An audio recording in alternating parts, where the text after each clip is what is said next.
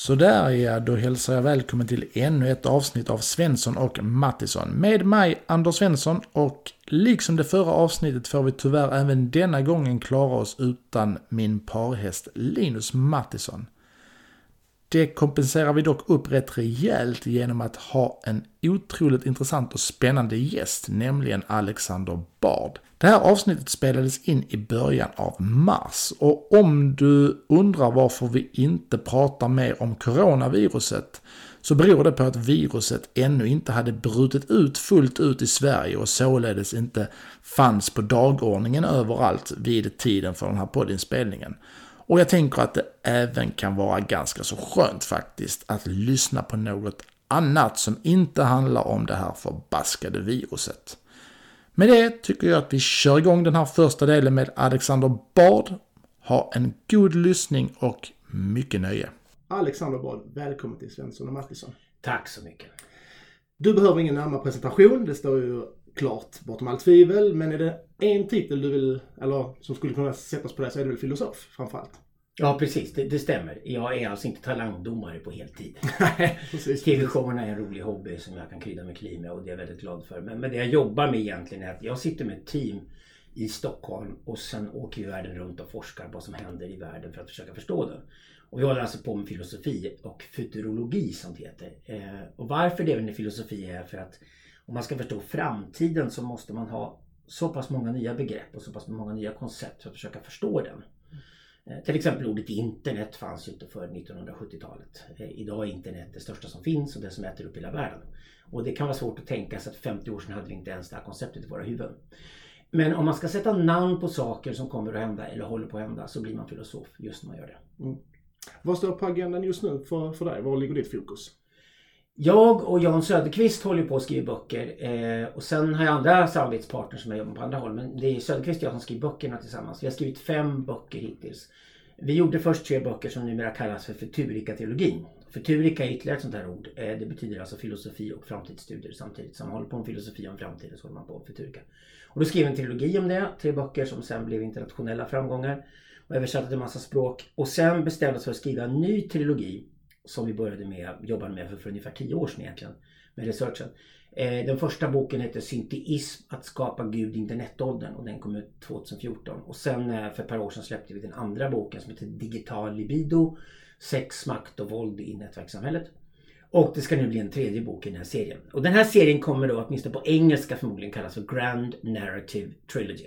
Och det betyder alltså att vi försöker skriva böcker. Dels om de stora berättelserna som människan har berättat om sig själv genom historien. Eh, och det är både logos, mytos, patos, alla möjliga olika sorts berättelser vi människor har om oss själva.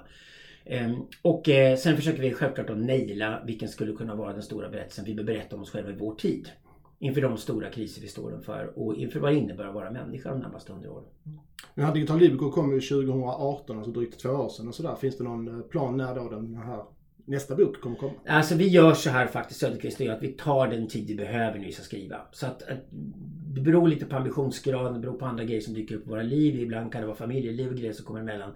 Men, men i stort sett så har vi ganska bra eh, arbetsetik båda två och jobbar ganska hårt när vi väl kör igång. Så jag skulle säga att vi har ägnat oss väldigt mycket research nu, nästan för mycket. Eh, skrivandet har egentligen redan börjat. Men sen om det tar tre månader eller tre år för oss att skriva klart en bok. Det vet vi aldrig i förväg utan vi tar den tid vi behöver tills vi är riktigt klara. Mm. Eh, den här Digital Libido eh, har jag faktiskt eh, hållit på att läsa den här den senaste tiden och jag märker att det är ju ingen bok som man ska sätta sig och läsa klockan 8-9 på kvällen när barnen har gått och lagt sig man är lite småsåsig i huvudet utan den kräver ju verkligen 100% koncentration och ibland att man liksom får gå tillbaka och läsa om det för att ta in för den är så otroligt matig och informativ. Mm. Ja, det är filosofi helt enkelt. Mm. Det är ju inte så att vi skriver böcker som vi räknar med ska ligga i någon pocketupplaga på flygplatser och plockas upp av folk för att roa sig några timmar. Utan mm. det, här, det här är på riktigt och, och eh, det kräver eh, rejäla studier innan djupa studier. Det kräver en stor förståelse. Jag tror både Söderqvist och jag är ganska så spränglärda. Vi kan historien verkligen och vi kan vad människan håller på med genom historien. Vi kan de stora tänkarna och inte bara de västerländska utan vi har också brytt oss om att lära oss de österländska tänkarna ordentligt. Och sen sätter vi oss ner och kollar på teknologi framförallt och på hur människan reagerar i den teknologiska omvärld som hon befinner sig i. Och det här är ett filosofiskt arbete och, och våra böcker ska man läsa om man vill gå riktigt djupt. Mm. Man kan läsa popversionerna på oss också. Jag brukar ge folk en liten lista och säga att de här böckerna kan du läsa om du vill ha något mer lättillgängligt som håller på med samma saker. Men du kommer aldrig få samma djup om du går in i filosofins värld och verkligen försöker förstå på djupet vad det är som händer i vår tid. Nej, precis. Eh, för en månad sedan så gick vi in i ett nytt årtionde, 2020. Ehm, och om vi tittar lite grann tillbaka på det årtionde som vi har lämnat bakom oss, alltså 2010 och så tar det med oss det som hände och hur det var och blickar framåt nu med det som komma skall. Vilka tror du kommer vara de mest, så att säga, märkbara skillnaderna mellan årtiondena? Och när du pratar om det digitala samhälle. Jag tror att vi kommer sammanfatta 2010-talet i efterhand som eh, barnsjukdomarnas årtionde. Så att det var väldigt mycket då människan höll på och betedde sig som om hon var i en gammal värld. Och de värderingar vi människor producerar på varandra hade med gamla världen att göra. Men vi gjorde det här med nya teknologier och därför blir det väldigt kaotiskt. Och det kommer förmodligen bli ännu värre på 2020-talet. Och orsaken till det är att nu kommer det riktiga internet. Och det riktiga internet är väldigt speciellt. Alltså det är någonting historiskt helt nytt. För det innebär till att börja med att allting som människan alltid har gjort kommer nu att bli ihågkommet. Ingenting blir längre glömt. Det, det, finns alltså ett perfekt minne som de minns absolut allting människor håller på med. Eh, och det här minnet kommer att vara merciless med oss människor. Det kommer verkligen vara stenhårt. Det kommer påminna oss om allting vi har gjort. Och det betyder att vi kan inte hålla på som vi gjorde på 2010-talet och säga att du gjorde det här när du var 17 år gammal och sa de här fula orden och nu är du 56 år gammal och därför ska du dö. Det, det går inte att göra det här längre utan vi måste ha en helt annan attityd till att vi minns absolut allting. Och jag tror snarare att vi kommer vara tvungna på 2020-talet att börja uppskatta de människorna som har fel och brister och har visat det hela tiden. Mm. Jag tror det farligaste exempel man kan göra idag det är att gå in och rensa sina gamla sociala mediekonton och plocka bort saker som man tycker är lite oaptitliga. Och det här var dumt sagt av mig för sex år sedan, jag borde ställa bort det nu. För jag lovar att det finns någon människa där ute som har skärmdumpat det och minns det i alla fall. Ja, och då, då, då, är det bättre att minnas alltihop och erkänna nu att vi minns absolut allting vi har gjort. Men å andra sidan vem i helvete vill ha en människa som är 50-60 år gammal och levt ett perfekt liv och aldrig sagt något fel? Den människan är ju bara obehaglig, den går inte att lita på alls. Det är inte mänskligt överhuvudtaget. Så att mänsklighet måste på något sätt bli normen igen och mänsklighet kan bara bli normen om vi börjar inte bara förlåta våra fel och brister utan uppskatta våra fel och brister. Och det här är en enorm omsvängning i värderingar som måste göras. Och det betyder att de här stora lynchmobbarna vi såg i sociala medier på, på 2010-talet kommer i efterhand se oerhört destruktiva ut. De kommer att ha ställt till väldigt mycket skada, betydligt mer skada än egentligen hjälpt oss. Och vi kommer att vara tvungna att, att reparera de skadorna och det kommer kräva väldigt mycket möda och mycket ansträngning att göra det. Mm. Eh, så det, det, är någonting tydligt med internet. Sen är det ju så att internet är ju redan från början globalt. Eh, jag och Jan Söderqvist skrev en bok som heter Det globala imperiet redan 2003. Det är 17 år sedan nu. Och den boken skrev jag att det finns redan en ny grundlag för hela världen, heter internetprotokollet. Det är det protokollet enligt vilket all teknologi kommer att operera i framtiden. Och det är alltså en slags universell lagstiftning som redan finns där. Jag har inte tänkt på det, men det är faktiskt vad som redan finns. Och det betyder att teknologin kommer att operera enligt de protokoll som existerar och de är globala redan idag. Och vi människor är sakta men säkert på att släpas in i den här globaliserade världen. Och det vi upptäcker då att vi människor tror att vi kan stoppa globaliseringen, vi får antiglobaliseringsrörelser, vi får en massa nostalgi, vi får en massa lokala hyllningar av det lokala på olika sätt. Det kan yttras genom nationalismen, det kan yttras genom att man bara hyllar ekologiskt närodlad mat. Det betyder att alla ska dra sig så nära sitt tänkta ursprung som möjligt och där ska alla sitta och koka upp. Och där ska de vara i all framtid. Mm. Och sen ska liksom resten av världen stängas om. När i själva verket resten av världen tränger sig på med fruktansvärd kraft in i våra liv idag. Och det här betyder ju bara att när vi pratar om det här med, med somewheres och anywheres från början. Ja, det som jag Söderqvist brukar säga, det finns everywheres dessutom ovanpå det så det kommer bli ännu mer komplicerat nu. De människorna som, som vill till varje pris ha en plats att slå sig ner på och fästa sig vid kommer bli förlorarna i det här samhället. De som däremot kan vara de nya nomaderna, de globala nomaderna och kan röra sig i den här världen och bevistas i många olika kulturer, klara olika språk, klara olika kulturella kontexter, kommer absolut vara vinnarna i det här samhället. Och det kommer vi bara se mer av. Mm. Och det beror på det digitala. Mm. Det beror inte på att det finns några onda mäktiga män där ute som har någon konspiration som ska tvinga på sig en global världsordning. Utan det globala kommer från det digitala självt. Mm. Internet har inga gränser. Nej, det bryr sig inte om, internet håller dessutom på att lära sig all världens språk. Mm. Sen är vi människor bara klarar av att prata två eller tre språk, om vi ens gör det. Amerikaner klarar bara ett i nästa fall. Men när vi människor inte klarar av mer än ett eller två språk så kommer maskinerna klara av flera hundra språk samtidigt och kommer vara överlägsna människan just när det gäller att förstå kulturell kontext. Mm. Och de människor som hänger med i den revolutionen är de vi kallar netokrater. Vi har kallat dem netokrater i 20 års tid nu. Det är den nya globala överklassen, de globala nomaderna. Mm. Och de som lämnas bakom är de som sitter envist och biter sig fast i marken och inte vill röra på sig alls, försöker skydda sin lilla lokala värld för de kommer bli förlorarna. Mm. Jag ser lite framför mig när du beskriver det här, typ en, en ung, en 25-årig tjej har inget, har liksom, alltså, all, alla hennes jobb hon har, det sköter hon via datorn. Hon äger ingen lägenhet eller något sånt utan hon flyttar, hon bor på olika platser i hon hyr ett liksom Airbnb-lägenhet i två månader i New York, sitter där och jobbar och går ut och roar sig och sen flyttar hon till Buenos Aires och bor där i Airbnb och jobbar. Alltså hon, hon rör sig runt om i världen men sköter sitt jobb liksom digitalt. Det ser jag framför mig lite grann när du... Exakt, och det är för att hon inte flyttar alls för hon bor vid sin mailadress, hon bor vid sitt mm. mobiltelefonnummer. Mm. Mobiltelefonnumren är, är också teknologiskt protokoll som är globalt. Det står ett plus först och sen står det godtyckligt landsnummer. Mm. Om det ens gör det. Det betyder att det är en global ordning. Det betyder att vi allihopa kan göra WhatsApp och vi kan göra signal och alla de här olika chattkanalerna vi har idag på ett globalt telefonnummer som vi alla har. Det betyder att den, den världen är redan globaliserad. Mailadressen är också en globaliserat protokoll. Det står ett att-tecken i mitten, det står några bokstäver efter. Ibland kan det stå ett gammalt nostalgiskt .se längst bak. Ofta står det någonting helt annat. Så att mailadressen är också ett globaliserat protokoll. Och det betyder att vi egentligen bor idag online. Och när du bor online så betyder det att var som helst i världen som du öppnar din laptop eller var som helst du startar din smartphone så är du egentligen på samma ställe. Det här betyder att de geografiska avstånden har i praktiken försvunnit. Och det betyder att vi mer och mer lever i en värld där rymden inte finns. Utan allting packas ihop till en enda tight liten rymd. Och den måste man vara bekväm med när man befinner sig i den världen. Om man ska lyckas i det samhället. Mm. Så vi gör nu vårt arbete att vi går tillbaka faktiskt till den ursprungliga människan som var nomad. Vad vi kommer göra i nästa bok att vi kommer gå tillbaka och bygga vad vi kallar nomadologi. Alltså en, en lära om människan i rörelse. Vad skulle det innebära att människan befinner sig i rörelse? Och då är det ju faktiskt så att vi har ju en gång i tiden varit rörliga. Mm. Det är naturligt för människan att röra sig. Men vi rör oss i stammar. Och det har vi gjort i hundratusentals år. Och sen för någon, ungefär 10 000 år sedan blev en liten kvinna i Babylon trött vid något tillfälle, sattes ner mittemellan två floder och sen fick de första bofasta samhällena. Och på grund av att vi hade skriftspråket i det laget och kunde ackumulera information utanför egna huvuden så kunde vi bygga de första bofasta samhällena. Och eftersom de bofasta samhällena fick en snabb befolkningstillväxt och kunde snabbt producera mycket mat genom jordbruk och boskapsskötsel så blev det en vinnande modell. Det blev inte vinnande modell för att den var bättre. Det är inte vinnande modell för att den är mer mänsklig. Det är bara en vinnande modell för att producera en större population. Mm.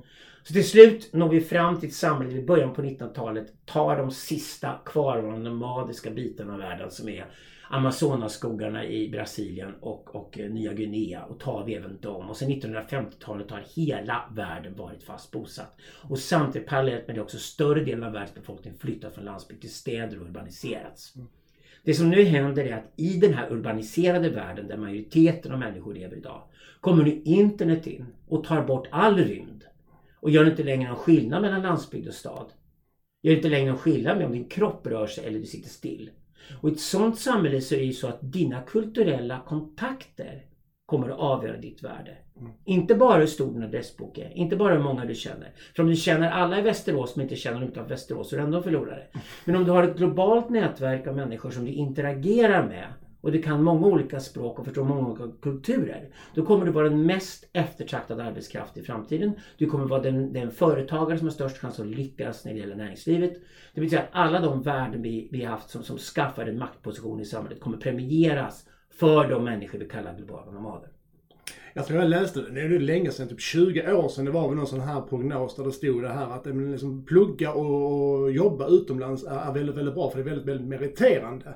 Och då kan man ju säga någonstans att de hade rätt redan då, för typ 20 år sedan när man såg det framför sig att det, det kommer att premieras väldigt mycket. Så är du 2021 tagit ut studenten, ja men ge dig ut i världen, jobba, bo, res. Alltså, ja, ja absolut. Ja. Absolut. Det, det, och jag skulle säga att vi svenskar reser mycket och, och det är en av våra fördelar. Jag, jag, tycker att Sverige är ett av de roligaste länderna att jobba i av den enkla att unga människor ger sig iväg på egen hand och reser och klarar resan på egen hand. Den starkaste bilden jag har av Sverige utomlands det är en ensam svensk tjej med blont hår och blåa ögon som går på en backpackerstrand någonstans i världen och klarar utmärkt av att resa på egen hand och helt orädd. Mm. Jag tycker det är en väldigt, väldigt stark bild av Sverige när Sverige är som bäst. Och jag skulle säga att om det är någon annan tjej som går på den stranden kommer hon förmodligen från Australien eller Irland Det är de kulturerna som påminner mest om den svenska idag. Det är kulturer som inte dras med gamla klassystem, som inte dras med gammalt kasttänkande, som infekterar många av de gamla länderna i Europa, som England, Frankrike och Tyskland dras med sådana problem. Det är heller inte stora gamla isolationistiska kulturer som inte vet om omvärlden, utan det här är de människorna som reser mest i världen idag och reser med nyfikenhet. De reser och har med sig kameran, de reser och har med sig mikrofonen. De tar in andra kulturer. Och det här kommer bli en överlägsen arbetskraft när vi sen går in på en globaliserad arbetsmarknad. Det, det är ett av de bästa, en av de bästa grejerna tycker jag om nordiska länderna. Det är att vi, vi älskar att resa så mycket som vi gör. Och det måste vi fortsätta att göra. Det här är också en av anledningarna till att under liksom när klimatkrisen blev akut under, under 2019 så var jag en av de som gick ut hårdast mot flygskamsprojektet. Därför att vi måste bestämma oss för att prioritera vissa utsläpp är okej okay, därför det finns andra positiva effekter som är enorma. Jag håller med Maria Wetterstrand och andra environmentalister om att det är koldioxidbeskattningen som absolut är nyckeln. Och slängde på den på allting inklusive flygbiljetten också. Men särbehandla inte flyget eller moralisera mot att människor flyger. Därför mig blir flygskammen ett projekt där en, en ny underklass som sitter still började angripa en ny överklass som reser mycket. Mm. När i själva verket hela mervärdet i samhället som alla får nytta av kommer från den här nya globala nomadiska klassen som reser. Mm. Vi behöver alltså fler resenärer i världen, inte färre, om vi ska klara oss. Ja, för jag menar man ser ju, det finns ju uppsjö av saker som släpper ut betydligt mer än, än flyget. Det är ju betong, eh, liksom tillverkningen, internet kom nu senast för någon dag sedan att eh, det är betydligt mer farligt för att släppa ut mycket mer än vad flyget gör. Men ändå så är det sånt himla fokus på just flyget. Ja, det tror jag för att det är en klassfråga. Det här fallet handlar om bitter underklass som angriper de som flyger som tillhör den nya globala överklassen. Nu är det ju så att det behövs ett coronavirus för att det skulle flyga mindre. Ja, vi flög inte mindre på grund av flygskammen alls. Hyckleriet var totalt i den svenska mm. medelklassen. Alltså, jag var på Arlanda i december och då mer folk än någonsin skulle resa bort över julen. Så, ja, så flygskamsprojektet var ju bara hyckleri från början till slut. Men, men det som är viktigt är att förstå att flyget kanske står för 2-3% av koldioxidutsläppen i världen idag. Och det är en ganska ansenlig del ändå, det håller jag med om. Men att just ägna sig åt flygskam och den typen av projekt. Att, alltså, för mig är det att vi måste sätta ideal som, som till exempel rör miljön och klimatet. Vi kan inte ha det som den enda frågan. Vi kan inte låta miljö och klimat bli en totalitär fråga. För då kommer vi snart ha, ha ekofascister, inte minst i Tyskland, som kommer säga att kvinnor måste sluta föda barn och människan måste sluta existera. Det är bara en tidsfråga när vi går in i en sån vansinnighet. Och det har ju hänt att de som steril, det, det finns redan idag. Ja. Det finns redan idag. Men, men det är därför jag är ekotopian istället för environmentalist. Och Maria Wetterstrand och jag har bland annat debatterat det ganska mycket. Och, och eh, det blir väldigt intressanta debatter. Ekotopianerna till exempel är ju för kärnkraft fjärde generationens kärnkraft. Därför de vill sen också utveckla fusionskraft senare. Därför ekotopianerna tror inte att vi kan lösa miljö och klimatfrågorna utan enorma mängder billig el. Och billig elektricitet måste framställas hållbart. Och då har vi inget annat alternativ än att gå mot fusionskraften förr eller senare in, inom kärnkraftsindustrin. Mm. Och det kommer kräva kanske 80-100 år när vi kan landa där. Men om vi inte har den planen klar så kommer vi aldrig lyckas för sol och vind och andra resurser kommer inte räcka till för att ge världen massor av billig el. Det är nämligen så att alla de problemen vi har fått i samband med miljö och klimatfrågorna har att göra med dyr eller billig energitillförsel. Det är ju så att det finns en gammal eh, dröm från antiken som heter Kosmopotamien. Och den drömmen är ju att om man bara kunde få fram rent vatten överallt i världen skulle man kunna befrukta hela världen. Alltså man skulle kunna ta bort öknarna och, och plantera växter överallt och sådana saker. Och den är intressant, det är en intressant dröm att plocka fram i vår tid. Därför att om vi kunde desalinera vatten på ett hållbart sätt billigt. Idag är det vansinnigt dyrt att desalinera vatten. Alltså ta havsvatten och ta bort saltet och sen få friskt dricksvatten.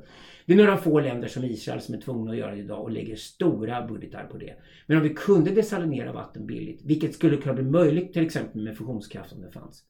Då skulle hela världskartan ritas om och alla de problem vi har med miljö och klimat idag skulle försvinna. Mm. Om man ska applicera lite grann på det som säger, kommunikation och hur företag, organisationer och så vidare jobbar. Så just det här liksom med miljö och hållbarhet är ju verkligen på alla läppar. Jag, jag, kan bara slå mig liksom när jag åkte hit till Stockholm. Alltså jag åker SJ. Det är bara hållbarhet överallt på alla liksom skyltar, reklampelare. Jag kommer till hotellet var och annan mening när jag läser liksom hotellfoldern är det hållbarhet. Vi, vi städar inte rummet varje dag på grund av hållbarheten. Vi tvättar lakanen miljövänligt. Allt för att allt ska bli miljövänligt. Vi orkar inte med det här. Nej, jag känner lite Nej, nej vi håller på att köra i botten. Alltså det här är livsfarligt. Om man läser medialogik och lär sig medialogik fungerar så är det så att om hållbarhetsfrågan är viktig Maria Wetterstrand, jag håller med varandra. Den är viktig och det är den.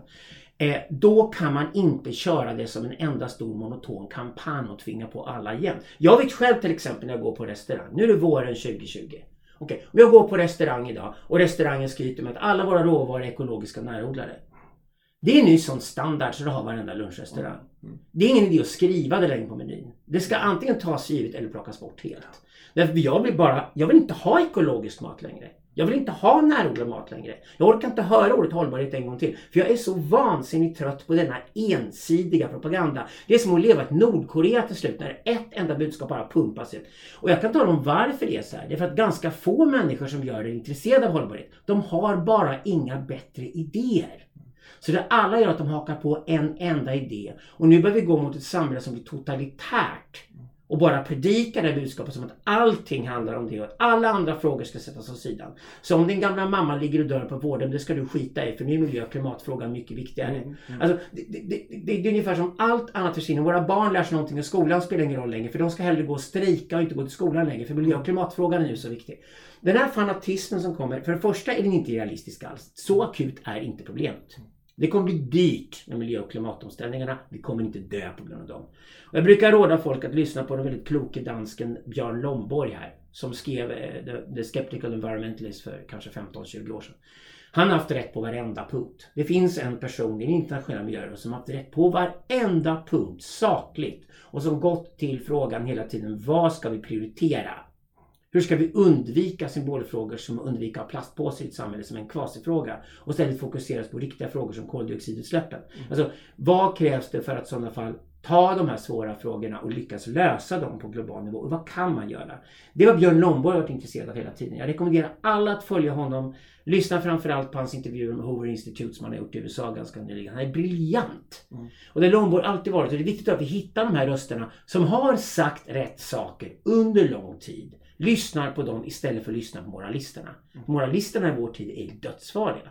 De kan förstöra vårt samhälle och förgifta allting. För de springer omkring och gapar och skriker om saker som inte har någonting att göra med verkligheten. Mm.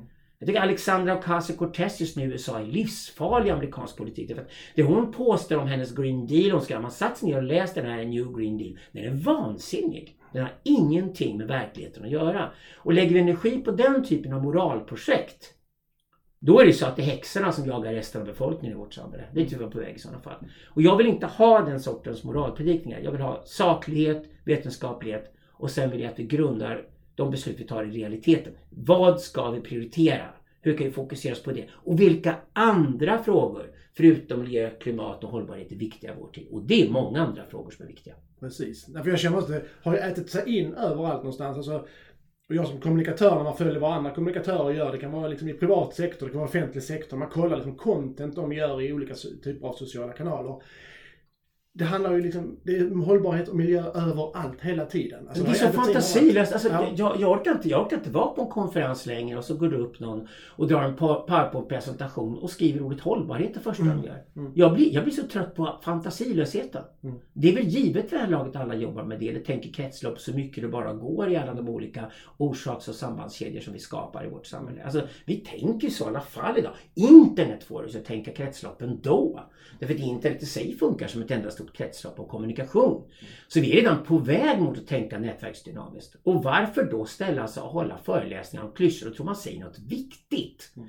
Det är ungefär som min gamla mamma sa en gång i tiden hon inte ville gå sin Lill-Babs på Hamburger Börs. Och då sa hon, när det är Lars Forssell som har skrivit hennes manus och hennes manus består bara av klyschor som hon säger som hon sa någonting viktigt. Mm. och det finns ingenting jag hatar så mycket idag när jag kommer till konferenser som människor och ställer sig och säger klyschor med, med emfas. Man trycker i lite mm. extra. Som man sa någonting viktigt med det och det enda att bara alla börjar gäspa och snart börjar spy för de är så uttråkade. Ja, nej, det är lite jag känner också. Jag har ju också besökt ett x antal konferenser och jag tycker det är kul nu också att jag, jag faktiskt har börjat bli liksom, alltså, föreläsa istället för att man kan förändra den biten. För att det känner jag själv när man går. Liksom. Det är det ett enda typ, att det är så väldigt få som sticker ut och verkligen säger någonting och säger någonting annorlunda, någonting nytt för att tänka. Utan man vet liksom redan på förhand någonstans vad som ska komma. Jaha, nu pratar han om det. Och sen kommer nästa grej. Och så, här. så det, det, liksom, det är som alla låter liksom som papegojor. Ja, och den, den, frågan som är viktigare än ekotopianism eller, eller environmentalism, om vi, om vi ska kolla på den, som är ännu viktigare miljö och klimat och mer existentiellt hotfull också, det är den frågan som jag kallar för kosmopolitanism. Det vill säga, hur ska vi lära människor att tycka om främmande människor?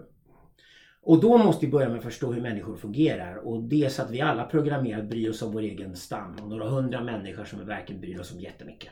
Och innanför den stammen har vi ännu mindre enheter som heter klaner. Och innanför klaner har vi sin till våra familjer. Det är vad vi är programmerade att tycka om och kunna klara av att hantera.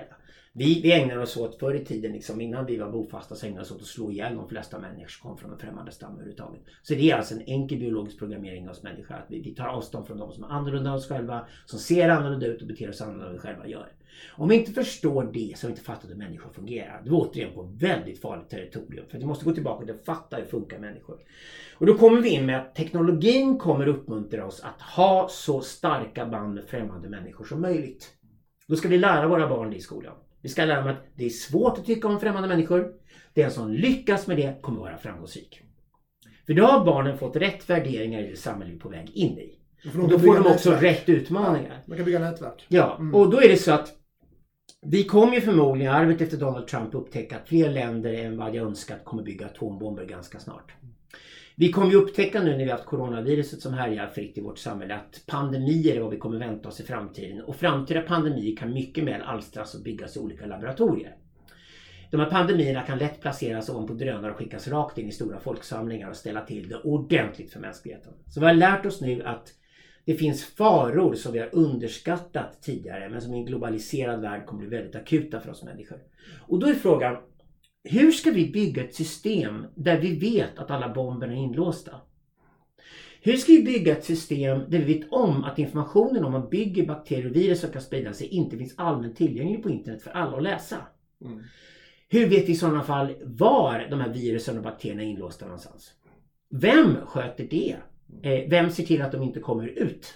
Vem helst av allt ser till att de försvinner? Eh, det här är de stora existentiella hoten mänskligheten står inför. Det har jag sagt länge. Och miljö och klimatfrågan är för mig en kvasifråga som kommer mellan. För om vi går tillbaka så sent som 1980-talet var vi mycket väl medvetna om att vätebomberna som tillverkas då av Sovjetunionen och USA kunde mycket väl förinta världen på bara några timmar.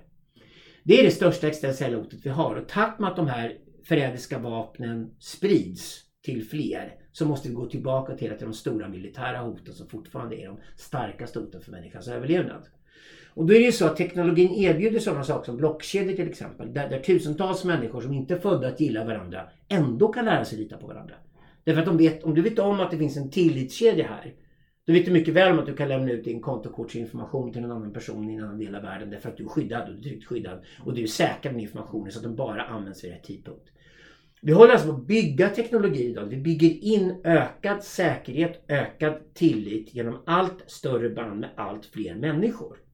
Problemet är att de här banden kan ju brisera. Vi vet inte var hoten finns någonstans. Vi vet inte var någonstans med banden inte är säkra. Och då måste vi bygga bättre och smartare säkerhet. Då vet vi också att brandväggar är ett dåligt sätt att göra det. Det betyder att stängda nationalgränser är också ett väldigt dåligt sätt att hantera framtiden. Och då är frågan hur bygger du intelligenta väggar? Hur bygger du intelligenta gränser? Och allt det här håller vi filosofer på med idag. Det kallas membranteori. Och det är alltså en teori om hur du bygger någonting som är intelligent. Tänk, tänk dig att du har en borg till exempel. Mm. Du sätter inte en idiot vid porten på den borgen. Nej. Du måste ha en av dina absolut mest intelligenta och kunniga medarbetare där. Du måste ha någon som kan människor. Du måste ha någon som kan kultur och historia. Som sitter där och avgör vem får komma in och vem försöker vi få ut. Mm. Okej? Och när ska folk i sådana fall gå ut om de väl har släppts in? Den här sorts intelligens är väldigt viktig därför vi kan inte bara stoppa alla vid gränsen. Det går inte. Då, då blir vi absolut de fattigaste förlorarna längst bak i kön. Utan vi måste lära oss vilka ska vi släppa in och vilka har vi just nu inte råd att ta in. Och vilka premisser använder vi för det? Och det här har vi inte idag. Därför vi skapar en stor politisk osäkerhet. Det finns också en förklaring till att Sverigedemokraterna är det största politiska partiet i opinionen idag. För de har slagit på larmet sedan långt tillbaka om att Sveriges gränser inte fungerar som de ska. Att integrationen inte fungerar. Att invandringen är helt snedvriden. Istället för att det kommer dit arbetskraft som Sverige behöver så kommer det dit folk som inte kan assimileras och integreras i Sverige och där skapar enorma stora problem. Eh, och de har ju varit rätt som har tryckt på varningsklockan. Däremot håller jag Sverigedemokraterna ansvar för att de har inte svaret på det. För svaret är inte att bygga en brandvägg. Varenda företag vet jag om idag vi kan inte ha brandväggar nu mot omvärlden. Vi måste skaffa oss intelligenta träskmarker mot omvärlden. Vi måste veta vilka det är som vill spionera på oss. Vi måste till och med låta dem spionera på oss till en viss gräns. Och sen kanske vi rent av ska öppna en kommunikation med dem istället för att hugga halsen av dem och upptäcka att de spionerar. Och säga, ni har spionerat på oss, vi fattar varför. Vi kanske skulle inleda handel istället. Okej. Att bygga sådana intelligenta membraner vad många tech-startups sysslar med idag. Och då måste vi ha både nationalgränserna, vi måste ha dem till företagets gränser mot omvärlden. Vi måste ha det med vårt eget privatliv, vi måste ha det till familjens gräns mot omvärlden. I klanens gräns mot stammen, i stammens gräns mot nationen, i nationens gräns mot imperiet. I, i människans gräns mot teknologier av olika slag. Och vi måste också ha de här membranen mellan olika teknologier. Det här är vansinnigt komplicerat. Mm. Men namnet på det här är kosmopolitanism. Namnet på det här är att alltid i alla lägen försöka hålla systemen så öppna överhuvudtaget. bara pallar. Och klara av det så långt det går. Därför att alla vinner på frihandeln. Alla vinner på den fria öppna kommunikationen. Alla vinner på att vi har så högt i taket som möjligt i ett samhälle. Tills vi inte pallar mer. Men vi ska försöka hålla oss öppet till bara kan. Därför att alla blir vinnare i ett sådant samhälle. Och de samhällen i världen som kommer kosta på oss att vara så öppna och intelligenta som möjligt. Där man kombinerar öppenheten med intelligens. Man har så intelligenta membran. Det är framförallt stadsstater idag ska jag säga som Singapore, Dubai, Luxemburg, de länderna kommer de absolut rikaste länderna de närmaste 30-50 åren. De kommer lyckas absolut bäst. Därför är det lättast i de mindre systemen att göra det här rätt. Och det måste vara Sveriges förebild också. Vi behöver en kraftigt ökad arbetskraftsinvandring i Sverige av smarta ingenjörer inte minst. Som kan gå rakt in och jobba och programmera, koda och göra andra saker som behövs svenska företag idag. Vi behöver en begränsad flyktinginvandring och den måste drivas från flyktinglägren. Det, måste vara, det får inte löna sig för smugglare att smuggla människor till Sverige. Det måste vara på den platsen där flyktingarna finns som Sverige i sådana fall går in och tar ett delat ansvar med andra länder. Så här många flyktingar från den platsen tar vi in. Det här är vår kvot, den klarar vi av att hantera. Och, och det här måste Sverige lyckas med under 2020-talet och få det här rätt. Annars kommer missnöjet bland väljarna bli enormt. Ja, för nu senast har det inte varit speciellt konstruktivt här med, med senaste här förmodade flyktingvågen från, från Turkiet nu när Erdogan har öppnat portarna. För det är ju liksom ena sidan stäng gränsen och andra sidan öppna gränsen. Alltså det, det är inte så speciellt eh, konstruktivt. Nej, vi har inte ens någon politik i Europa för att det här ska hänga ihop och vi har helt olika utsagor och, och vi har ingen enighet överhuvudtaget. Och det är klart att människor blir stressade av det här. Och det vinner ju bara de opp- opportunisterna på som kommer säga att vi måste stänga gränserna överhuvudtaget och aldrig släppa in dem. Men, men det är inte en lösning i längden för då blir det bara så att vi får makthavare i länder i Europa som säger inga flyktingar får komma hit men ingen arbetskraftsinvandring heller. Mm. Och den behöver vi. Vi måste få rörelse, vi måste ha ökat och inte minskat resande i världen. Jag hävdar bestämt att de länder som bygger ut större flygplatser och som ökar resande i världen idag kommer vara vinnarna. Precis som de länder i världen idag som bygger starkare, kraftigare bredband till en lägre kostnad för allt fler medborgare kommer vara de stora vinnarna. Allting från och nu handlar om infra infrastruktur. Och allting annat vi behöver ovanpå det som till exempel bildning eller fungerande sjukvård, hälsovård, sådana saker kommer byggas ovanpå en effektiv infrastruktur. Men den måste vi ha först. Mm. Du vill minnas att du har sagt tidigare att vi nu står liksom inför det här paradigmskiftet här under 2020-talet och där, där har du liksom pekat ut tre områden som där det här kommer att bli framförallt kännbart och det är ju media, politiken och universiteten. Eh, Kan du utveckla lite grann hur du menar om du börjar med media då? Eh, Ja, massmedierna ska vi prata om. Det är den gamla varianten och, och eh, internet är den nya varianten. Politiken kommer sakta men säkert dö också. Och problemet med att politiken dör är att frågan är var makten kommer utövas i sådana fall. Jag tror helt enkelt att amerikanerna valde Donald Trump som president 2016. Vilket vi förutsade Söderqvist och jag 16 år innan. Att förr eller senare kommer amerikanerna välja en reality-tv-stjärna som president. Därför att politiken kommer bli ironisk. Det vill säga politikerna kan bara förstöra, de kan inte skapa nya värden. Och vi är på väg mot det att politiken har ett väldigt begränsat inflytande. Då är det ändå så att USAs president är en av de få politikerna som fortfarande har något inflytande. De flesta politikerna har ingen makt kvar överhuvudtaget. Det är också därför så många stolar börjar gapa tomma i de politiska kamrarna idag. För vem blir politiker när politiker inte har något inflytande? Eh, politiken tappar sin makt. Det alla missar är att politiken som zon i sig krymper. Dess makt och inflytande i samhället krymper. Mer och mer lämnas över till teknologi och till administration kopplat till teknologi. Och sen har vi regelsystem som är ganska sofistikerade. Vi har varit bofasta i 8000 år. Vi har haft tryckpressen de sista 600 åren. Alla människor kan läsa, skriva och räkna i vårt samhälle idag. Människor klarar av att hantera saker själva. De är till och med numera sin lilla interna polis och klarar av att vara sin egen moralpolis dessutom. Och det betyder att vi kan lägga resurserna på helt andra saker. Och det här den här effektiviseringen i samhället som ligger där gör att det administrativa blir bara administration och det kopplas i sin tur till teknologiska lösningar. Sen är det ju så att byråkratin monteras ju inte ner. Den lever fortfarande kvar och blaskar. Det är väl så att nästan vart fjärde, vart tredje jobb i Sverige idag är egentligen helt meningslöst. Och ingå är bara jobb som skapas i byråkrati som håller igång sig själva till vilket pris som helst. För byråkraterna vill inte själva sparka sig själva. Och det är ungefär där makten hamnar. Det här är nog någonting som det kommer bli ett uppror mot förr eller senare. Vi kommer förmodligen se skatteuppror i länder som Sverige de närmaste tio åren. Och skatteupproren kommer kräva att samhället måste effektiviseras. Det kommer krävas att alla jobb ska vara meningsfulla. Och vi kan inte längre ha kvar en massa administratörer när datan kan klara av saker själv. Och det betyder att automatisering, robotisering måste ske på de här områdena. När det sker så ökar effektiviseringen i samhället enormt mycket och då kommer också makten flytta till teknologin. Mm. Då har vi ett problem. Det är nämligen så att de som ser visionärt på politik idag, eller ser på maktutövande ska vi säga då, visionärt i framtiden förstår alla att vi är på väg mot en sensokrati som jag och Jan Söderqvist skriver om. En sensokrati är ett samhälle där människors sinnen är ihopkopplade med varandra överallt och framförallt ihopkopplade med de sensorer som vi byggt. Det vill säga teknologi och människa interagerar med varandra överallt. Och det betyder att vi får data på absolut allting som alla människor gör. Mm. Då kan vi räkna ut ganska mycket vart människor är på väg, vad människor vill. Vi kan också räkna ut vad de kan få och vad de inte kan få ur de systemen. Och det är det som politiken gissade sig till för som nu istället vi kan säga med ganska stor säkerhet. Problemet är bara att det land i världen som drömmer om det här mest idag är kommunistkina. Och Kinas variant på att göra det här det är Knaton, Egypten 1300 f.Kr. Det är diktaturens modell. Och den är självklart jag Söderqvist extremt kritiska till. Därför vi skapar inte bara diktatur och ondska, vi skapar dessutom extremt instabila system i längden. Det vill säga Kina ser ut att bli ett system som först ser väldigt stabilt ut under väldigt lång tid och sen kommer det braka fullständigt underifrån. Mm. Och orsaken till det är att diktatorerna genom alla tider har alltid blivit omgivna av ja-sägare. Och de får inte, de får all information om vad som faktiskt händer längre ner i systemet. Mm. Vi vet till exempel inte hur länge coronaviruset härjade i Wuhan innan Xi Jinping, diktatorn i Kina, ens var medveten om. Precis.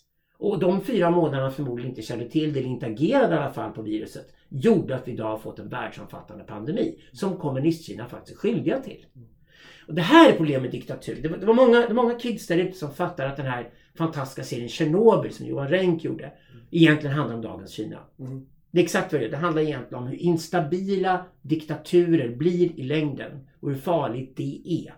Eh, Sigmund Freud sa att det kommer en punkt där patricidet är nödvändigt. Det vill säga att vi måste mörda fadern som leder oss därför fadern har börjat ligga med sina söners fruar. Det vill säga fadern har stannat alldeles för länge i makten, blivit alldeles för korrupt, blivit alldeles för arrogant, slutat att lyssna på folket och därigenom blivit en fara mot folket självt. Mm.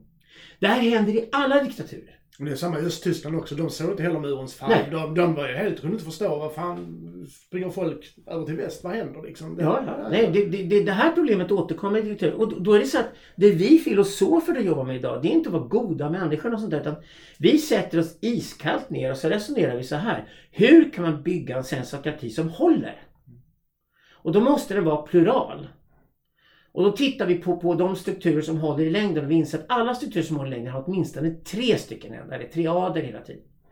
Eh, och då upptäcker vi att den ursprungliga nomadologin, alltså den ursprungliga berättelsen om stammen, där stammen var i rörelse, hade tre stycken ändar. De kallas historiskt för hövdingen, prästen och matriarken. Varför är det bara en kvinna? Det behöver bara en kvinna för det är hon som håller männen ansvariga för att de ska leverera. Mm. Det vill säga alla stammar leds egentligen av den äldsta kvinnan. Och det har vi sett på alla våra studier vart vi åker i världen. Det är matriarken själv.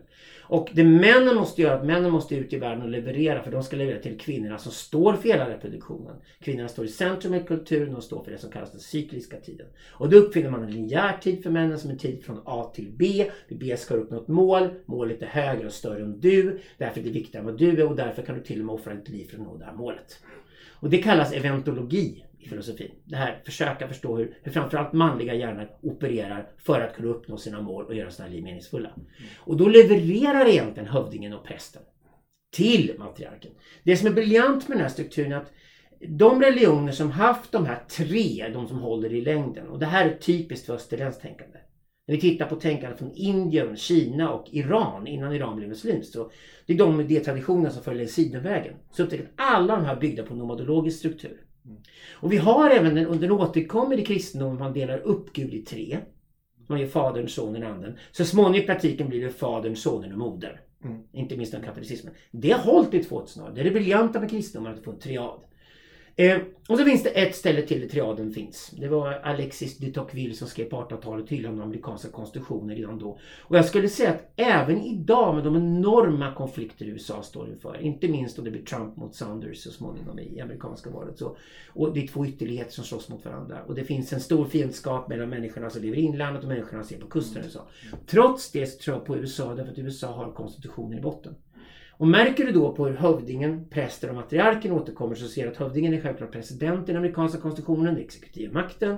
Prästen som stiftar lagarna, som skriver ner vad vi ska förhålla oss till, som skriver ner ett nytt regelverk när det behövs. Det är kongressen. Och matriarken som håller de andra ansvar för att de gör sitt jobb och ser till att ingen av dem kan ta makten från den andra, är högsta domstolen.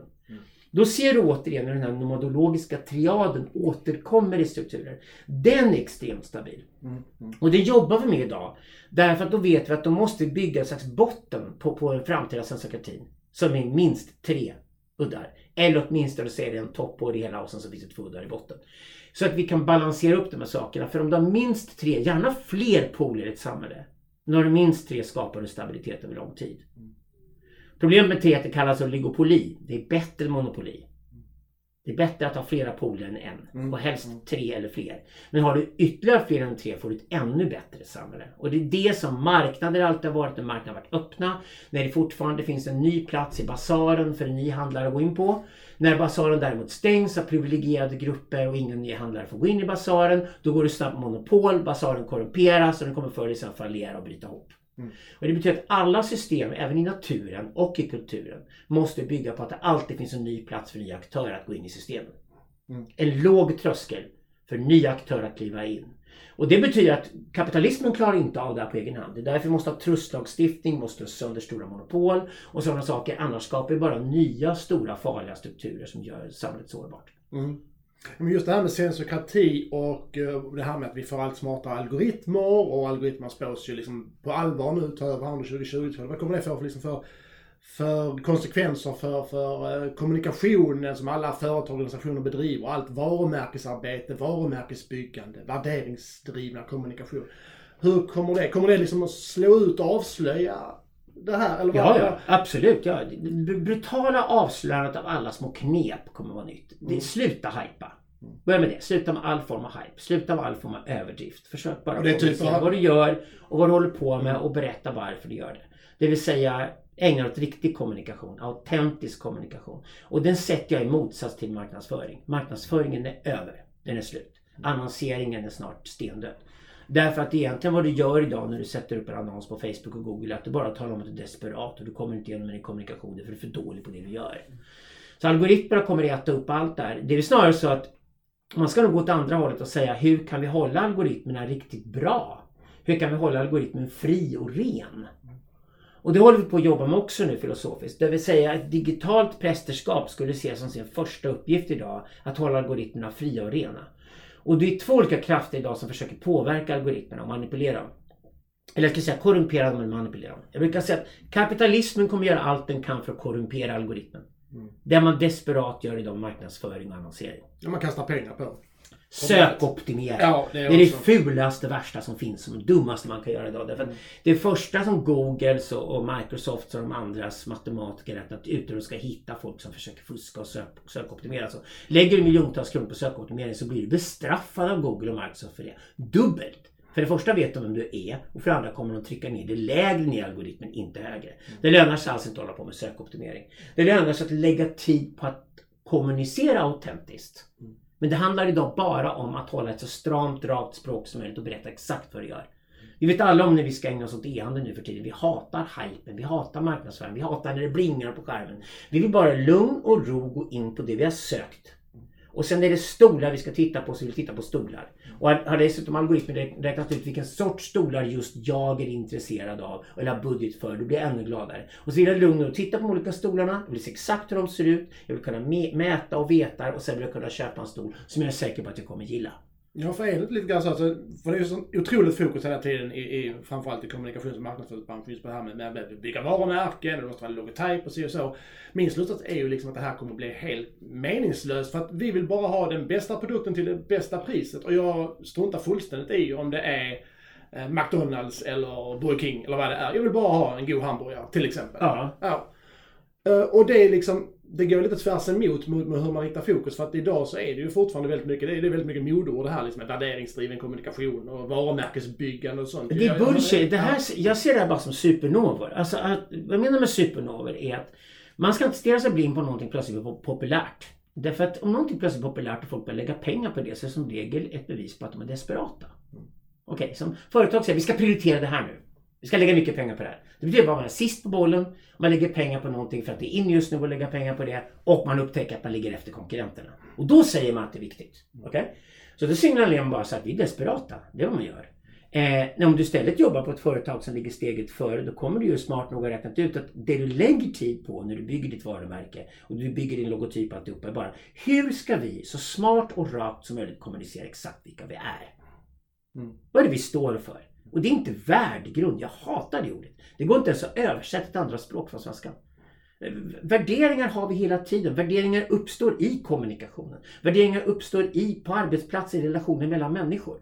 Det är precis när vi kommer överens och sitter och skrattar åt varandra vid vattenmaskiner, vi sitter och skrattar åt varandra vid kaffeautomater och kommer överens om hur vi vill göra kaffet på vår arbetsplats och vilken sorts kaffe vi prioriterar. En del arbetsplatser vill bara ha kaffe, punkt slut. Andra vill lägga pengar och resurser på ett fancy kaffe. Då får de väl göra det. Och när du sitter och gör det, då uppstår värderingarna genom dialogen du har på arbetsplatsen. Det är så värderingar uppstår. Det är inte så att man sitter och spikar någon värdegrund och så spikar man upp den på någon vägg på någon kyrka och säger man vi står för det här, våra konkurrenter står alltså inte för det här och därför ska det handla om oss för då är vi finare människor än vad de är.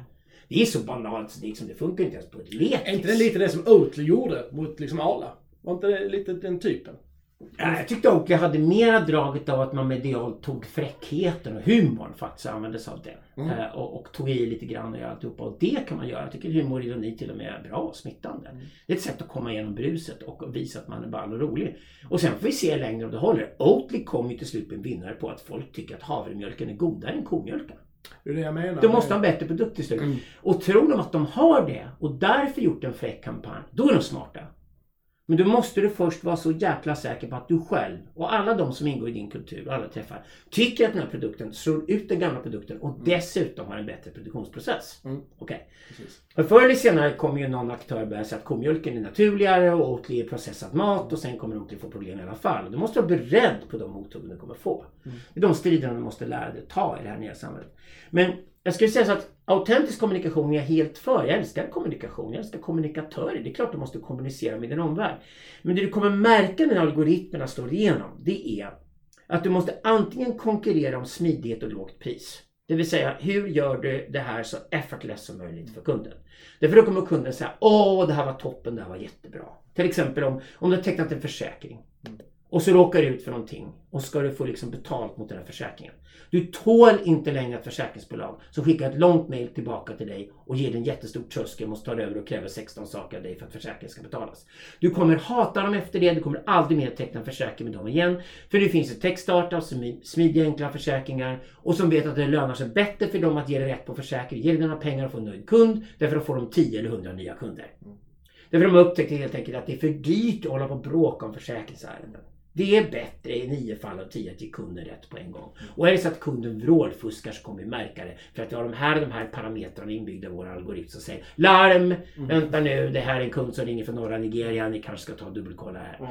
Alltså, det, det, det, är, det är ganska lätt att bygga sådana tech-startups och slå ut de gamla företagen som fortfarande sitter och bara jävlas med kunden.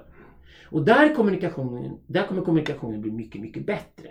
Att man lär sig att det är bättre att ge kunden rätt och få en snabbt avslutad kundupplevelse. För det, det kunden älskar, åh ni svarade med en gång, fick omgående svar, jag fick rätt, ni fixar alltihopa, ni hjälper mig att göra det här. Fan vilken fantastisk upplevelse! 10 av 10 betyg på en gång. Mm. Och du kommer garanterat teckna alla dina försäkringar med det bolaget i framtiden. Mm. Det, det, är den typen av konkurrens vi kommer se när algoritmen kommer. Eh, så att kundupplevelsen måste vara förstklassig. Men vi är fortfarande inne i territorium där vi ägnar oss snabbhet och lågt pris. Om du sen ska gå mot det eftertraktade Holy Grail och det du kan ha ett premium och bygga ett premiummärke i så fall, då måste du ge någonting mer än bara det du påstår att du säljer. Det vill säga, förutom den varan eller tjänsten du formellt tar betalt för, så tar du också betalt för en upplevelse utanför det och det ingår i en kulturell kontext. Och där har företagen försökt göra genom att skapa alla möjliga Facebook-forum och grejer där alla deras kunder ska prata med varandra och kunderna blir bara förbannade. Mm. Därför kunderna får ett problem på halsen. De får säga Nej, jag har ont om tid! Snälla dig, jag har jätteont om tid. Det handlar om att jag ska få en upplevelse som är smidig, som är snabb, som är effektiv, som ger mig rätt utan tjafs. Jag får till och med mer än vad jag någonsin trodde jag skulle få tillbaka. Men jag hamnar dessutom i en kulturell kontext där jag får mervärdet av det premiemärket. Okej, om du lyckas knäcka den grejen, då är det framtidens allra framgångsrikaste företagare. Men det är självklart en jätteutmaning att göra det. Men det finns ingen yta däremellan. Det finns liksom ingen yta då för den som ska ha ett varumärke som inte är ett premiemärke men ändå tror att man kan ta mer betalt än man gör när man bara levererar snabbt och effektivt. Mm. Fin- den ytan finns inte kvar. Den kommer algoritmerna slå ut. Algoritmerna kommer säga till dig Har du budget för att betala mer än vad du egentligen behöver betala så du kan åka första klass. Mm. Eller är det så att du vill bara ha din stol någonstans längst bak i ekonomiklassen men vi kommer frakta en kropp från A till B och göra det så angenämt som möjligt. Okej, Det är de två lägena vi har kvar. Vi har inget mellanläge kvar längre. Det, det, det kommer inte finnas på marknaden i framtiden. Nej, för just när, när det kommer till en sån här, kommunikation och så vidare så tycker jag att de som inte arbetar med kommunikation i olika typer av företag och organisationer som gärna sitter i ledningsgrupperna vill ofta liksom, om, om man, man säljer, det kan vara att man säljer för lite eller man får för, för, för få ansökningar till sin uh, yrkesutbildning man har och så vidare. Så pekar man alltid på att ah, men det är för dålig kommunikation, det är för dålig marknadsföring. När jag oftast hellre vill gå tillbaka och säga, men produkten då? För att kommunikation är liksom, det, det är liksom grädde på moset, det sista vi lägger på för att liksom lyfta vår produkt. Men vi måste ju göra världens bästa Märker du hela tiden här att det som alla underskattar är att du belastar andra människor tidsmässigt? Mm, mm, Men gå till dig själv. Vad, vad, vad hatar jag mest av allt i hela världen? Spam. mm. Ja. Spam är bara online-namnet för det som heter annonser och reklam. Mm. Okej. Jag vill inte att någon kontaktar mig överhuvudtaget om inte jag är intresserad. Jag vill att folk idag när algoritmerna finns ska kunna räkna ut om jag är intresserad på riktigt eller inte. Jag blir inte störd när någon försöker kommunicera med mig och jag är inte riktigt intresserad men då ligger snubblande nära. Mm. Då, då blir jag fascinerad. Mm. Det kan jag acceptera. okej. Jag kan acceptera att någon ringer på dörren och sånt där och någon verkligen har någonting som jag nästan gillar. Men jag står och säger nej jag vill inte ha dörrknackning överhuvudtaget. Men tack för försöket. Och så ler man lite grann och tänker okej det var värt det. Men det är väldigt, väldigt sällan som ens någon når dit. De flesta projekt idag när folk sitter och surar och sitter och säger att vi har kommunicerat det dåligt är bara projekt som redan från första början är en dålig produkt. Mm. Det fanns inget behov av det här. Nej. Folk hade inte ens tid att titta på det. Och hade de tittat på det skulle de fortfarande sagt nej för de hade inte tid att prioritera det här. Mm. Bristvaran är inte ens pengar längre. Bristvaran heter attention i det här samhället. Jag och Söderqvist har skrivit i 20 års tid om det attentionalistiska samhället. Det vill säga hur länge ger jag någon mitt öga? Hur länge ger jag någon mitt öra? Hur länge orkar jag med en annan människa innan jag tycker att nej, mitt eget privatliv går före det här. Jag vill stänga dörren om mig, jag vill gå och lägga mig och sova eller jag vill sitta och meditera eller jag vill lyssna på någon bok eller någonting annat som är mer meningsfullt än att öppna ytterligare en kommunikationskanal om någonting som jag faktiskt inte ens är intresserad av.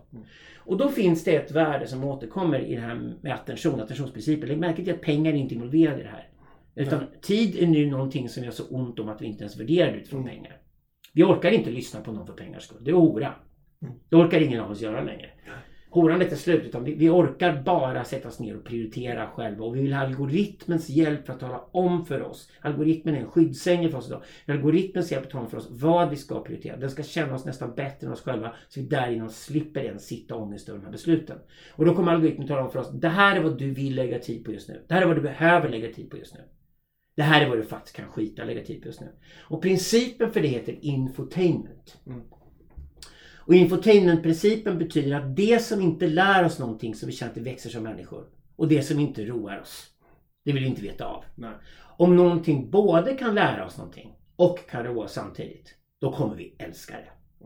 Det kommer vara favoritserien vi ser på Netflix till skillnad från de andra serierna. Det kommer vara favoritfilmen vi tittar på. Det kommer vara favoritdejten. Det kommer vara det underbara mötet med en ny person som vi vill gå i relation med. Det kommer vara dagen våra barn föds. Vara alla de här stora eventen i vårt liv som driver oss människor och som ger oss mening med livet kommer vi fokusera oss mer på i framtiden. Och vi kommer inte vilja ha någonting som tar bort vårt fokus på de upplevelserna. Utan allt vi vill ha omkring oss, det som gör vårt liv lättare för att vara mer nära de här eventen som ger vårt värde. Mm. Jag brukar köra föreläsningar som heter just värdeskapande kommunikation och så får jag ju alltid frågan vad är värdeskapande kommunikation? Jag brukar säga det är humor och kunskap. Och förenar du dem, ja, då, då kan du inte ha annat än succé. Ja, Men du måste ha de två grejerna i det du liksom, det innehållet du liksom kommunicerar ut. Ja. Så måste det finnas något av de här sakerna. För vad ska annars folk reagera på och tycka? Känsla och innehåll Ja. är vad det handlar om helt enkelt. Och finns inte de där...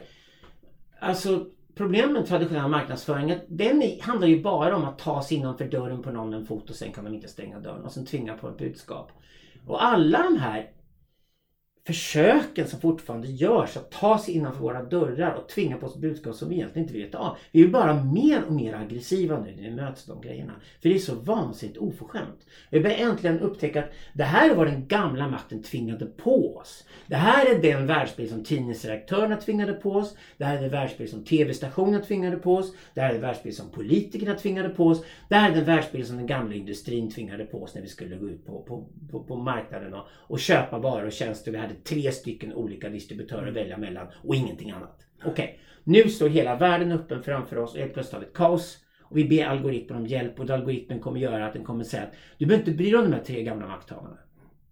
Du behöver inte bry dig om som 300 makthavare. Jag har tillgång till miljoner olika producenter eh, som producerar saker och gärna också vill ingå i relationer med dig så du kan medproducera det du är intresserad av. Och de här nya interaktiva relationerna som erbjuds där ute och det finns miljoner aktörer i världen som nu tack vare att språkbarriärerna rivs ner på 2020-talet kan kommunicera direkt med dig. Då är ju frågan vem av dem är ideal för dig att ha som partner att öppna en kommunikationskanal med och kan därför fortsätta fida dig med de varor, de tjänster som just du vill ha. Mm. Så i grund och botten kan man säga någonstans att det handlar om alltså ett, alltså ett, två, tre på listan, göra en grundprodukt, världens bästa produkt. Mm. Två, lita på algoritmerna. Och tre, kommunicera äkta, ärligt, genuint, men gör det sist i liksom, kedjan då. Om man ska sammanfatta lite grann. Så, så det öppnar sig nu ett samhälle, en brutal ärlighet är det som Ja. gäller. Jag säger, vi, vi, har aldrig, vi har aldrig varit i närheten av de behoven av kvalitetssäkring som vi kommer ha nu i våra processer. Det vill säga att det vi gör någonting är riktigt, riktigt bra, att vi står för det 100% och att vi berättar också hur vi gör det. Så mycket vi kan för omvärlden. Det blir väldigt, väldigt viktigt. Eh, det här betyder att de som kommer försöka förstöra algoritmen och påverka den är kapitalister och kommunisterna som man kallar dem. Så det kapitalismen gör att den försöker påverka algoritmen genom att korrumpera den och det med pengar. Och det kommunismen gör det är egentligen när det politiska systemet idag försöker påverka algoritmen och styra den mot det goda och fina och bort från det onda och hemska. Nu är det så att om du inte vill att dina barn ska kolla på porr så får du faktiskt sätta in ett porrfilter själv på datorerna hemma och på ungarnas smartphones. Se till att skaffa i sådana fall. För det är inte samhällets jobb att ta bort all porr så att inte vuxna kan se den heller. Det här är väldigt viktigt nu att förstå skillnaden mellan att vara vuxen och vara barn. Att också lära sig att vuxna ska kunna klara av nästan allting. Att förstå att barn inte gör det. Men att vuxna också kan välja bort saker. Alltså är det någonting du säger att det här vill inte jag se igen. Men då stoppa in ett filter för det. Men då får du stoppa in ditt eget filter. Det är din personliga algoritm som behöver det filtret. Inte en allmän algoritm. Och här är techjättarna i USA väldigt sårbara just nu. Det har pågått en techlash mot dem de senaste åren och jag är väldigt rädd för att Google, Facebook och Amazon och de andra jättarna i USA just nu faller till föga för den politiska opinionen som är fulla moralpoliser idag och som vill förstöra algoritmerna genom att manipulera dem politiskt. Eh, och det betyder att det öppnar sig en ny marknad i sådana fall där också. Därför att du kan ju egentligen även utanför USA eller var du vill i världen bygga nya algoritmer. Du kan bygga nya sökmotorer idag. Och det är också vad jag tror kommer komma därför att det kommer finnas ett enormt starkt behov hos människor att jag vill ha världens bästa algoritm. Jag vill att den ska vara brutalt ärlig. Jag vill att den aldrig ljuger för mig. Och ska jag få den rena algoritmen det handlar om så måste man i sådana fall gå till ett slags digitalt prästerskap som kommer behövas idag som kommer säga att du klarar av sanningen. Du klarar av den brutala ärligheten och därför ska du också, och du förtjänar att ha den algoritmen som är den absolut sannaste, ärligaste algoritmen i världen. Därför att ha den sannaste, ärligaste algoritmen är ju själva grundförutsättningen för att bli den nya överklassen. De här netokraterna vi skriver om kommer ju vara stenhårda på att de inte vill ha man, man, manipulerad eller korrumperad information. Och det är därför vi inte kan ha en algoritm som styrs av politiska hänsyn. Att det här ska stå, sättas över så det här ska hamna längre ner. Så när EU försöker gå in till exempel och styra algoritmerna så gör de ett fatalt misstag. Så kommer göra européerna till infantila barn snarare än till riktiga vuxna. Så att det här, är, det här tror jag är ytterligare en viktig fråga. Därför att det här är också en fråga, den rena algoritmen kommer ju inte kommunist-Kina palla ha. Nej. De har redan idag tre miljoner poliser anställda som jagar kinesiska medborgare och deras beteende på nätet. Och det betyder att ingen kines kommer att ha tillgång till en ren algoritm. Det betyder att en ny netokratisk överklass kan inte skapas i Kina.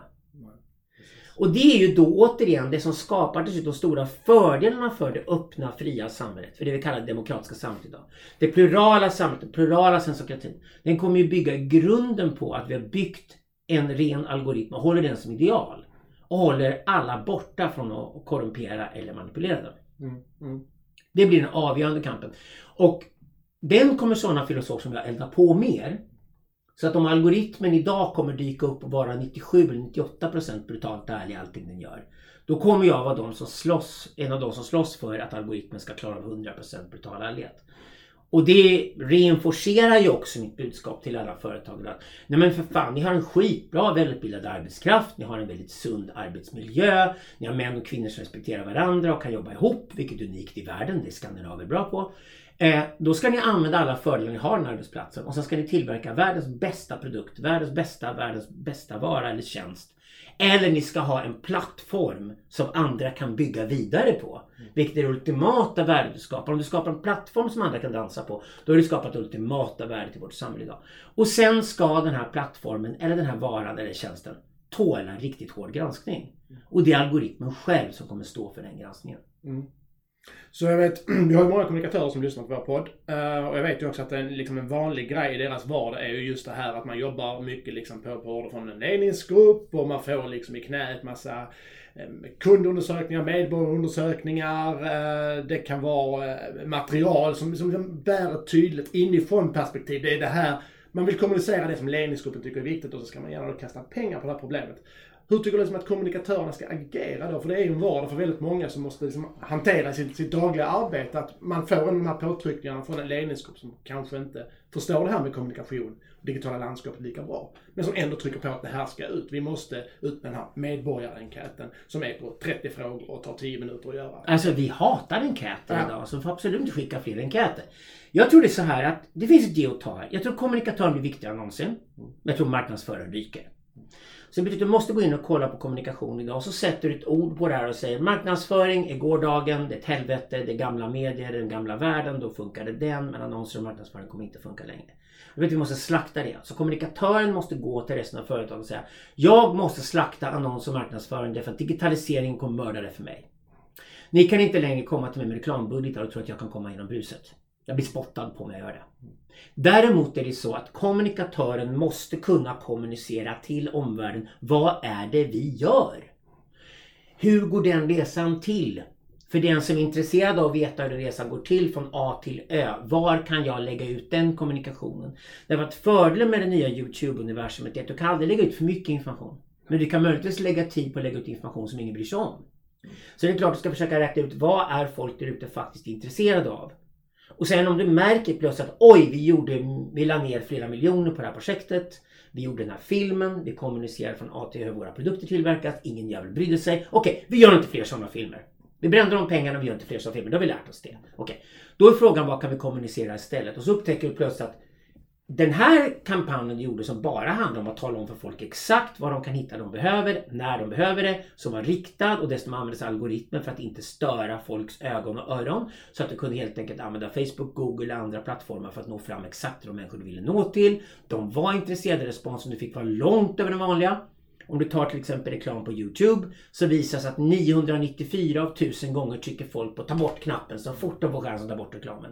De hatar reklam på Youtube och reklamen där är ju bara lagd för att folk är så desperata att de hittar inga andra reklamkanaler kvar längre. Men kom du ihåg att om folk spottar i ansiktet 994 gånger av 1000. Jag gör det 100 gånger av 100. Ja, Okej. Okay. Då är du en loser. Okay? Ja. Om, du, om du går ut i en bar på en fredagkväll och blir spottad i ansiktet 994 Eller jag sa jag trycker på ta bort reklamknappen 100 gånger av 100. Ja, okay. Nej, jag kan göra okay, det. Men, men folk ja. kanske inte ens orkar det. De kanske råkar dricka kaffe eller någonting och, ja. och trycka det. Men 994 gånger av 1000 vet vi nu att folk trycker på den här knappen efter 5 sekunder. Okej.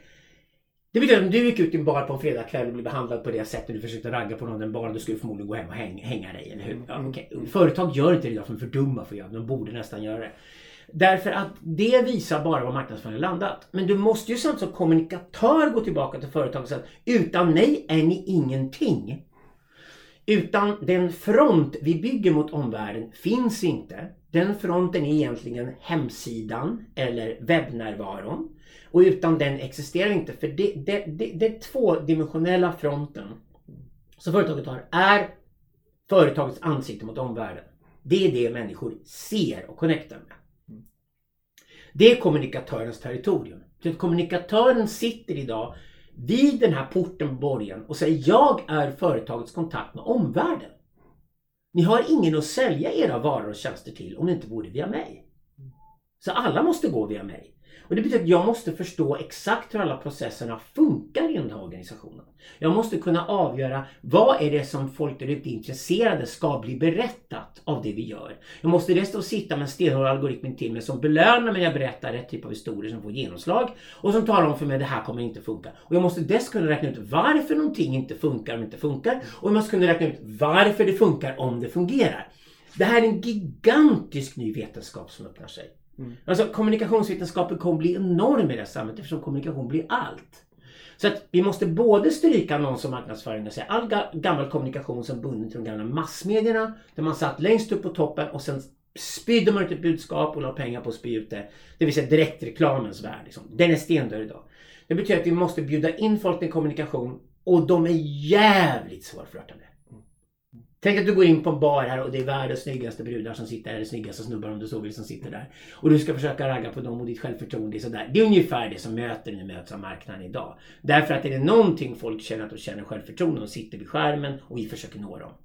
Där känner de sig extremt mäktiga. Mm. Och då är bara frågan för dem varför skulle de överhuvudtaget bry sig om att svara på det? Och jag skulle säga att Lika trött som vi är på ordet hållbarhet våren 2020, lika trötta är på enkätundersökningarna och kommer i vår mejlkorg.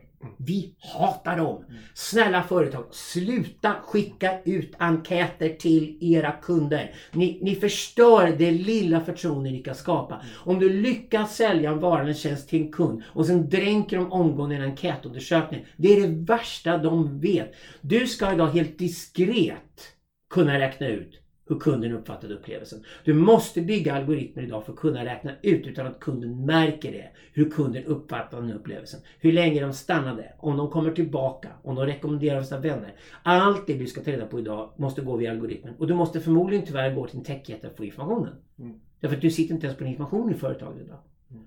Det här är det kommunikationen måste stärkas upp. I sådana fall kommer kommunikationen bli den viktigaste avdelningen i hela företaget. Och det betyder att hela företagets arkitektur måste ligga mot kommunikationsytan. Så hur du designar företaget och hur du sen designar varorna och tjänsterna som företaget ska gå ut på marknaden med måste också ligga närmast kommunikatören. Mm. Nej, för jag, jag jobbar inom, så här, inom offentlig sektor så finns det något som heter medborgardialoger. Något sånt som väldigt, väldigt många i offentlig sektor är satta till att göra. Att man måste liksom värna och ha en dialog med, med medborgarna. Och då kan du ibland sig så här att man liksom, ja ah, men vi, vi, vi kommer finnas på plats på det lokala biblioteket mellan 10 och 12 eh, och då kommer det finnas representanter från kommunen, kom dit och prata med oss och vad ni vill diskutera. Och det kommer inte en käft. Det kommer inte en enda människa. De här människorna som gör det här ska få sparken idag. Vi måste mm. sparka de människorna därför de har inte ens förstått hur det här samhället fungerar. De är inte, de är inte ens intresserade. Det här är hyckleri. De är inte intresserade av dialog. För det, det, det, Medborgarna har fullt upp med annat. Mm. Och medborgarna tänker inte sätta sig gratis på dagtid på bibliotek och ge dig tips om vad du kan göra bättre. Och du kommer inte lära någonting av det i alla fall. Mm. Jag är sprittrött på talkshops. Är, är det någonting vi vet från all världens konferenser så att när främmande människor bara ska sitta fem personer runt ett bord och babbla med varandra i två timmar så kommer ingenting komma ut ur det alls. Nej, eller SVT ska ge sig ut liksom i de olika små orterna. Nu finns vi på plats här med ett tält och vi har kaffe och bullar. Kom och prata med oss och vad ni tycker att vi ska granska. Det... Valstugorna, valkampanjerna ja, har varit tomma nu i 30 år. Snälla stäng dem. Det är ingen mm. som behöver vara där. Och de som kommer dit är någon förvirrad pensionär som inte har något bättre för sig. Något elakt mm. troll som, som misslyckas med alla sina sociala relationer. Ja, om du bara sitter, till och med A-lagarna lägger benen på ryggen och springer iväg. Kan du bara stänga igen. De här medborgardialogerna är en katastrof. Och det, det, det, det finns, det finns ett slags förmätet storhetsvansinne i det här också. Varför skulle någon vara intresserad av att sitta gratis och prata med dig? Och varför skulle det vara en expert som kan hjälpa dig göra någonting bättre. Det är klart inte det. Idag är det datan, det är maskinerna, det är teknologin, det är internet, det är algoritmerna som har tagit över alla de här funktionerna. Och det betyder att vi snabbt under 2020-talet kommer gå mot ett Sverige där vi kommer upptäcka att var tredje jobb som finns i vårt samhälle är fullständigt onödigt. Och det är framför allt i offentlig sektor. Det sitter massor av byråkrater som håller varandra med jobb och ger varandra konstiga tjänster. Och de mer och mer ägnar sig åt normkritik och alla möjliga snurriga grejer. Där de inte bara tycker att de ska lyssna på medborgarna, för det gör de ju inte. De ska dessutom tala om för medborgarna hur medborgarna ska tänka, hur medborgarna ska prata. Och typ. det, det här är ju vansinnigt. Det hör hemma i Nordkorea, det hör inte hemma i Sverige på 2020-talet. Men det är helt enkelt bara för att nu börjar byråkraterna och administratörerna bli mer och mer stressade eftersom de inte längre har något jobb. De har det här mötet mellan 10 och 12 biblioteket. Ingen kom. Varför är de inte skyldiga att rapportera det att ingen kom så vi kan sparka dem? Jo, det ser de till att inte göra. Tvärtom, de ser till att tala om att de gjorde ett event. Det är ungefär som Almedalen. Jag skulle gärna vilja ha en utvärdering på effekten av att man åker till Almedalen. Jag kan lova dig att 90% av projekten till Almedalen är fullständigt bortkastade. Det får inte ett enda värde, inte en enda krona. Förutom att möjligtvis de anställda som fick åka till Almedalen fick sitta och supa på ett hotell någonstans på kvällen och fick det som del av sin semester.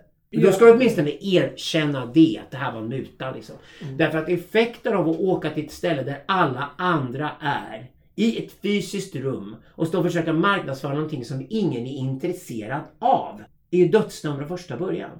Och det, jag menar, det är ju samma man hänger på, på LinkedIn under Almedalsveckan. Det, det är ju pest och pina. Jag sa att i sommar kommer jag ju logga ut ifrån LinkedIn under Almedalsveckan. För jag orkar inte liksom dränkas med alla de här meningslösa bilderna och inläggen ifrån Almedalen som är helt onödiga. Jag har lämnat LinkedIn överhuvudtaget. Ja. Jag gillar ändå LinkedIn-personalen på Sverigekontoret. Men, men jag, för mig är det helt värdelöst. Du gillar inte LinkedIn? Nej, det är de sociala medierna som inte ger mig något mervärde. Alltså jag tittar på alla sociala medier jag använder idag som att okej, okay, har det ett mervärde för mig, det tar det bara tid. Och upptäcker att det här tar nästan bara tid. Jag är väldigt lite på Facebook också. Det är helt enkelt för att förr i tiden fick man tre event per dag på Facebook som man ville titta på. Nu får man 75 event varje dag. Man orkar inte bry sig. Om inte Facebooks algoritm kan räkna ut vilka ett eller två event jag är intresserad av på riktigt under en dag. Då vill inte jag ha 75 stycken. Det är bara ovärdigt Facebook att kränga allt och slänga på allt. Och jag tycker taget att Facebook som fortfarande idag håller på liksom och blingar och plingar liksom på smartphone och man kan inte stänga av det här. Är fortfarande alldeles för mycket en billig amerikansk försäljare som försöker trycka sig fot innanför dörren. Mm. Och alla sådana grejer vi hatar nu på 2020-talet. Vi stänger ner dem, vi lämnar dem för att de är respektlösa och de respekterar framförallt inte det dyrbaraste vi har, det är vår tid. Det där var del 1 av vår gäst Alexander Bard. Nästa del, alltså del 2, kommer att släppas som ett ordinarie poddavsnitt och kommer finnas tillgängligt från och med den 22 april. Du hittar då avsnittet alldeles intill det här som du nyss har lyssnat på. Glöm inte att följa vår Facebook-sida för att få de allra senaste avsnitten i just ditt flöde. Sök upp oss på Svensson och Mattisson. Tills dess att vi hörs igen önskar jag dig som lyssnar allt gott. På återhörande.